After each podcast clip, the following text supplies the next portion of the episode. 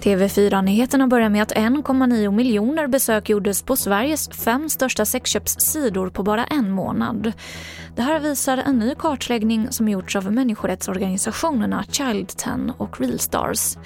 Enligt polisen så blir internetrelaterade sexualbrott och människohandel allt vanligare med teknologins utveckling.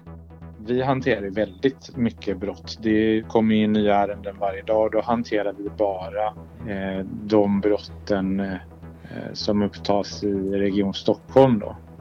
Eh, men nationellt är ju det här ett eh, jätteproblem. Det sa Patrik Jensen Salström som är förundersökningsledare på groominggruppen Polisen Stockholm.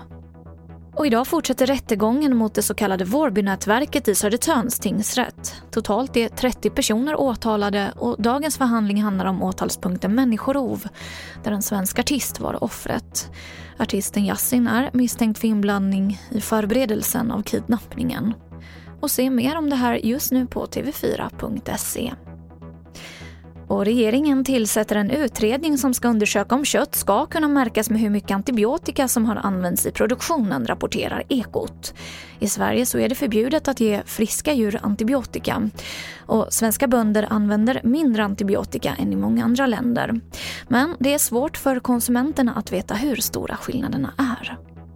Och det var det senaste från TV4 Nyheterna. Jag heter Emily Olsson.